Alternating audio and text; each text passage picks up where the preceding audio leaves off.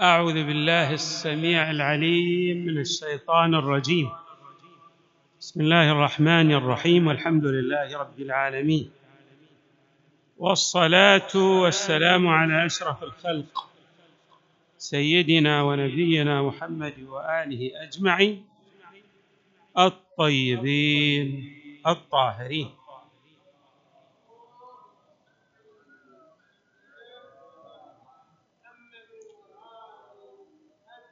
قال الله تعالى في القرآن الكريم واعبدوا الله ولا تشركوا به شيئا وبالوالدين إحسانا وبذي القربى واليتامى والمساكين والجار ذي القربى والجار الجنب والصاحب بالجنب وابن السبيل.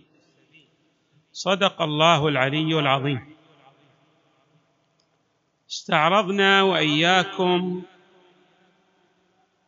الأهمية الفائقة والكبيرة التي أولاها النبي صلى الله عليه وآله والأئمة من أهل البيت عليهم السلام للجار وأن الجار ينبغي أن تراعى له حقوق ولا يؤذى حتى أن النبي صلى الله عليه وآله نقل عن الحق تبارك وتعالى في حديث قدسي يعني عن جبريل عن الله تعالى أن الله تعالى يوصي بالجار. وهذه الوصية مؤكدة وكثيرة. يعني لم يوصي مرة أو مرتين أو ثلاث ورد عن النبي صلى الله عليه وآله ما زال جبرائيل يوصيني بالجار حتى ظننت أنه سيورثه. ما معنى هذا الحديث؟ هذا الحديث معناه كالتالي أي أن الجار كأحد الأولاد كأحد الأقارب كأحد الآباء الذين يرثون من صاحب الدار. كما يحسن الإنسان إلى أبويه وإلى أبنائه حري أيضا به أن يحسن إلى جيرانه. وأيضا هذا المعنى ورد عن علي عليه السلام. نقله عن النبي صلى الله عليه وآله. قال هكذا قال إن النبي صلى الله عليه وآله عند وفاته أوصى. قائلا الله الله في جيرانكم. فما زال جبريل يوصيني بهم. حتى ظننت أو ظننا أنه سيورثه. نعم. وورد أيضا عن النبي صلى الله عليه وآله أنه كتب بين المهاجرين والأنصار ومن لحق بهم من أهل يثرب أن الجار كالنفس. كيف الإنسان عليه أن يعنى بنفسه وأن يحسن إلى نفسه وأن يداري على نفسه لأن وجوده يرتبط بنفسه. أيضا عليه أن يلتفت إلى الإحسان إلى جاره. أن الجار كالنفس غير مضار ولا آثم وحرمة الجار على الجار كحرمة أمه. وهذا الحديث فيه إشارة إلى معنيين المعنى الأول إلى معنى القرابة القريبة لأن الأم هي هي بمقربة قريبة من الإنسان. ولهذا الشريعة توصي ببر الأم أكثر من بر الأب. والمعنى الثاني وهو أيضا جد هام.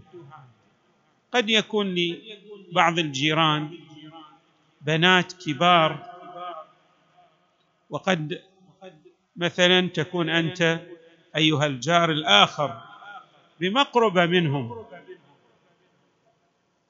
فتصعد مثلا إلى سطح الدار فتنكشف بعض عورات جارك. النبي صلى الله عليه وآله يحض المهاجرين والأنصار على أهمية رعاية الستر وحفظ كرامة الجار لئلا تطلع على يعني محاسن ومفاتن بناته وزوجاته. كما تريد أن تصان لك كرامة بناتك وكرامة زوجاتك فحري أيضا أن تراعي لجارك ذلك. وحرمة الجار على الجار كحرمة أمه. اذا يشير إلى هذين المعنيين. الجار له أهمية. ذكرنا فيما سلف بعض الأمور التي لا تراعى ولا زالت لا تراعى. ذكرنا منها مثلا مسألة الإيذاء بالقمامة. كثير من الجيران يأتي وخاصة إذا كان سطل الزبالة. عند منزل جارة قد لا يراعي ذلك. هناك بعض الأسطل من الزبالة قد تكون بعيدة قليلا. وسطل الزبالة الذي إلى منزل جارك القريب. قد امتلأ عليك أن تخطو تلك الخطوات ولا تضع الزبالة خصوصا إذا كان هناك بعض القطط. وكان مثلا في الزبالة هذه بعض العظام للسمك أو للحوم. يعني تجعل مدخل جارك أشبه بيعني بوضع يعني مقزز للنفس. حري بالجار ان يلتفت إلى هذه الحيثيات خاصة إذا كان هذا الجار يعني يأتيه بعض أقاربه أو في نهاية الأسبوع يأتي إليه أولاده من مناطق بعيدة ومن مدن أخرى. فحري بك أن تراعي نظافة مقدم المنزل أو مقدمة المنزل لجارك لا تلقي الزبالة غير آبه لأن هذا من الإيذاء للجار. وذكرنا أيضا مسألة كاميرات التصوير. شوف بعض الجيران عندهم مثلا شباب هؤلاء يعني لا شغل لهم. فقد يتصيدون من خلال كاميرات التصوير ويطلعون مثلا متى هذا جاء من أولاد جارهم متى دخل البيت متى خرج هذا رب الأسرة ماذا جاب لاسره فلان. هذا النحو يعني كأنه رقابه على الجار نتيجة للفراغ. القاتل لهؤلاء الصبية أو الشباب. يريدون مثلا ماذا؟ أن يشغلوا أوقاتهم بهذه الأمور التي لا يعني لا تعود بفائدة عليهم بل تعود بالضرر والوبال عليهم والإيذاء لجارهم. اذا هذه أيضا من الإيذاء. إيقاف السيارات صحيح. ليس لك حق أو ليس لجارك حق من الناحية القانونية أن يمنع إيقاف سيارتك إلى جنب بيته. ولكن أيضا عليك أن تراعي أنه هو أولى له حق الأولوية في إيقاف سيارته إلى جنب بيته. فحري بك مثلا أن لا تركن السيارات الخربة بالأشهر إذا كان عندك مثلا سيارة خربة أو لا تحتاج إليها تجعلها بمقربة من منزل جارك وتدعها بالأشهر هذا إيذاء لجارك. الجار لا بد أن تراعى له هذه الأمور. وهذه طبعا بعض من المفردات التي يتأذى الجيران بها في عصرنا الحاضر ويتكلمون. يعني بعض الجيران يشكو لبعض طلبة العلم يقول نبه الناس على هذه الأمور التي فيها إيذاء للجيران. ونحن أيضا ننبه ولكن بعض الناس كما يعبر أحد الأدباء لقد أسمعت لو ناديت حيا ولكن لا حياة لمن تنادي. يعني يسمع من هذه الأذن ويخرج الكلام من الأذن الأخرى. لا يعني لا يلتفت إلى هذه الأحاديث مع أنها كما ورد يعني تحض كثيرا وتبين الأهمية الفائقة لحرمة الجار. نشير إلى بعض الفوائد كآثار لمراعاة حسن الجيرة. انظروا إلى هذه الآثار التي وردت في الروايات والتي يترتب عليها الكثير من الخيرات. من الآثار أن الإنسان يستقر يستقر الإيمان في قلبه. يعني يصبح إيمانه قويا بمراعاته ل أو بإحسانه لمجاورة من جاوره من الناس. هذا يثبت عرى الإيمان ويجعل الإنسان من أصحاب اليقين. سبحان الله. بعض الأمور لها آثار وضعية. من الآثار الوضعية؟ لحسن الجيرة أن الإنسان يصبح إيمانه قويا. بعد الزيادة في الرزق. هذه روايات واردة في هذا المجال. يعني مثل صلة الرحم. كما يترتب على صلة الرحم بعض الآثار كذلك أيضا تترتب بعض الآثار على حسن الجوار الزيادة في الرزق. عن الإمام الصادق عليه السلام حسن الجوار يزيد في الرزق. بعد أيضا الإنساء في الأجل وطيلة العمر. طول العمر هذا زيادة العمر. عن الإمام الصادق أيضا صلوات الله وسلامه عليه حسن الجوار زيادة في الأعمار. بعد الإنسان قد يتعرض إلى ابتلاءات. من هذه الابتلاءات الأمراض التي يصاب بها. فلا يهنأه العيش. لكن إذا كان من المحسنين إلى الجار الله تبارك وتعالى يهنئه في عيشه. بعد ويعمر داره. تصبح هذه الدار دارا عامرة. في الرواية عن الإمام الصادق.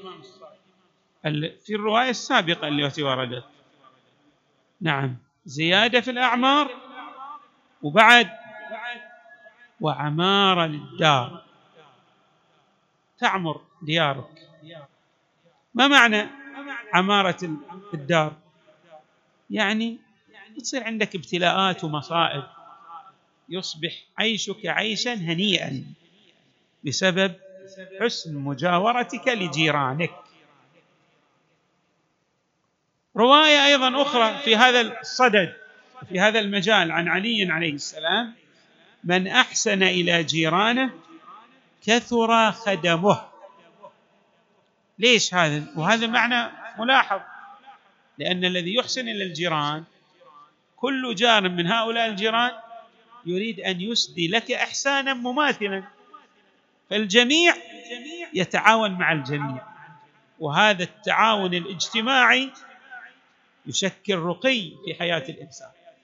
هذا معلم من المعالم الحضارية. التعاون الاجتماعي هذا يشكل رقي في على أكثر من صعيد وفي كل الجوانب الحياتية التي يحتاجها الإنسان.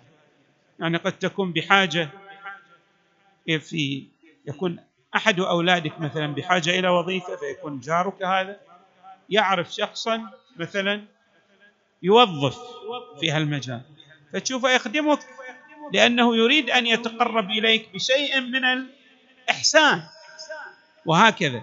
اذا هذا الحديث من أحسن إلى جيرانه كثر خدمه أكثر من ذلك. لا تتعلق الآثار الوضعية بعالم الدنيا بل تتعدى عالم الدنيا إلى عالم الآخرة. كما رأينا في الروايات.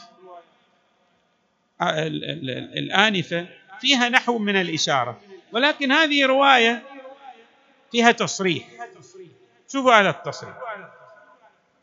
إمامنا الباقر عليه السلام وإن المؤمن ليشفع لجاره وما لجاره حسنه فيقول يا ربي جاري كان يكف عني الأذى فيشفع فيه من قبل الله.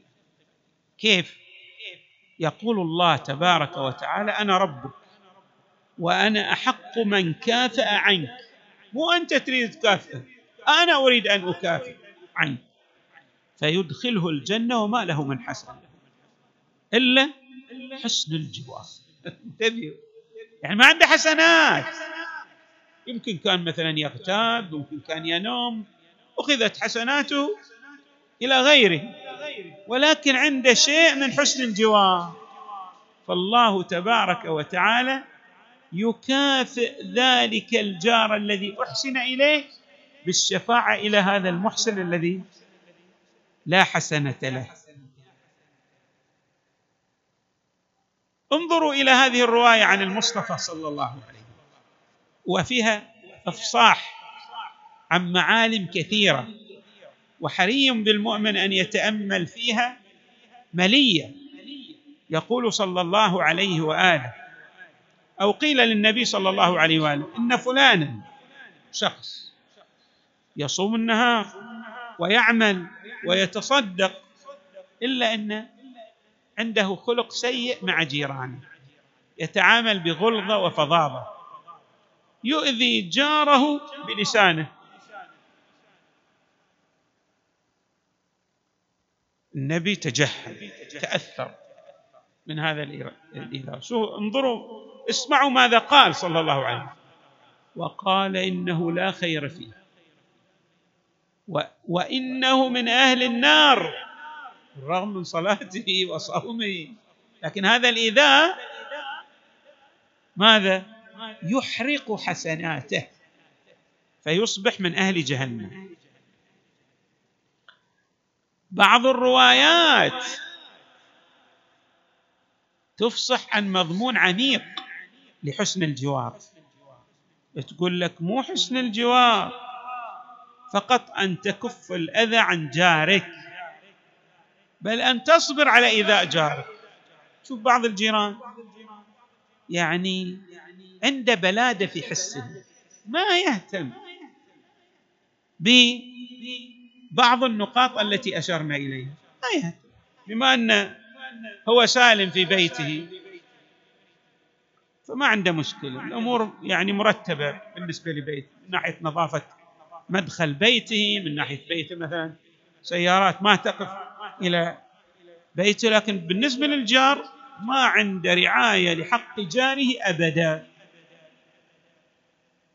النبي صلى الله عليه وآله الإمام الكاظم عليه السلام يقول ليس حسن الجوار كف الأذى ولكن حسن الجوار صبرك على الأذى. هذا السيء في إيذائه لك يعني ما تقابله بالمثل حتى لا تصبح الحياة نكدة وتعيش صراعا في هذه المحلة أو في هذه المكان المكان الذي تقطنه وتسكنه لأن الرد بالمثل يؤدي إلى ماذا؟ إلى حياة نكدة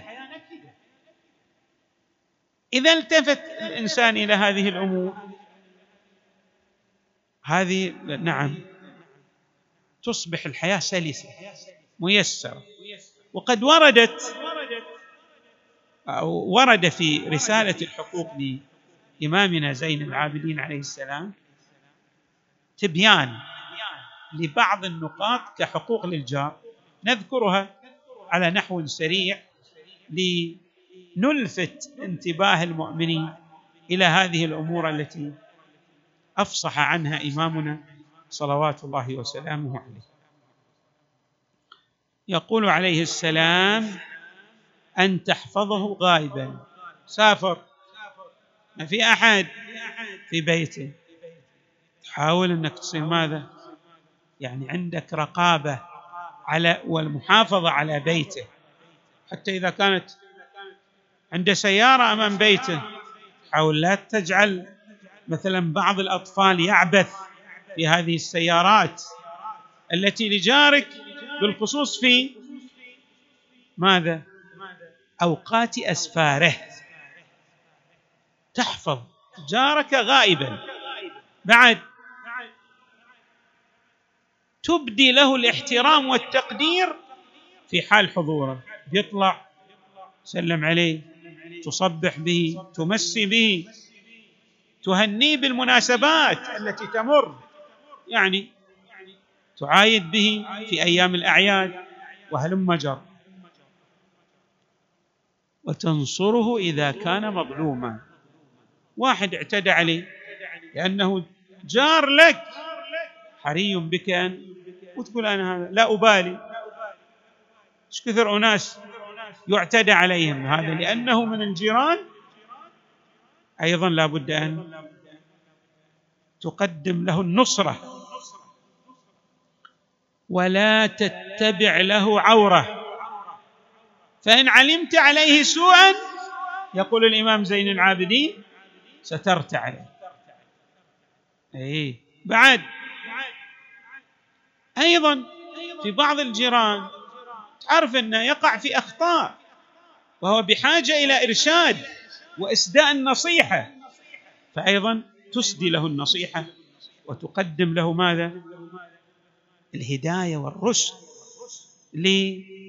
ليترك ما يصدر منه من أخطاء وما يقترف وما يقترفه من أمور لا تحمد عقباها. أيضا يقول الإمام ولا تسلمه عند شديده. قد يتعرض إلى شدائد تمر عليه بعض الأزمات الاقتصادية فايضا تحاول أن تقدم له المساندة وتقيل عثرته. يعني إذا أخطأ مو تحفظ عليه الأخطاء التي صدرت منه. خلاص يصير عندك مسح لأخطائه. أخطأ خلاص. لكن بالخصوص إذا كان قد أخطأ وتاب ورجع إلى رشده.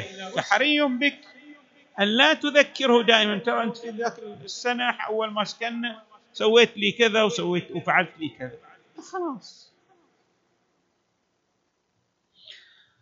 نعم. وتقيل عثرته وتغفر ذنبه. وتتعامل معه بالإحسان. تعاشره معاشرة كريمة. هذه بعض الحقوق التي وردت عن إمامنا زين العابدين عليه السلام. نسأل الله تعالى أن يجعلنا ممن يحسنون إلى من جاورهم مقتدين بالمصطفى صلى الله عليه وآله وبآله صلوات الله وسلامه عليهم أجمعين. الحمد لله رب العالمين وصلى الله وسلم وزاد وبارك على سيدنا ونبينا محمد وآله أجمعين الطيبين الطاهرين.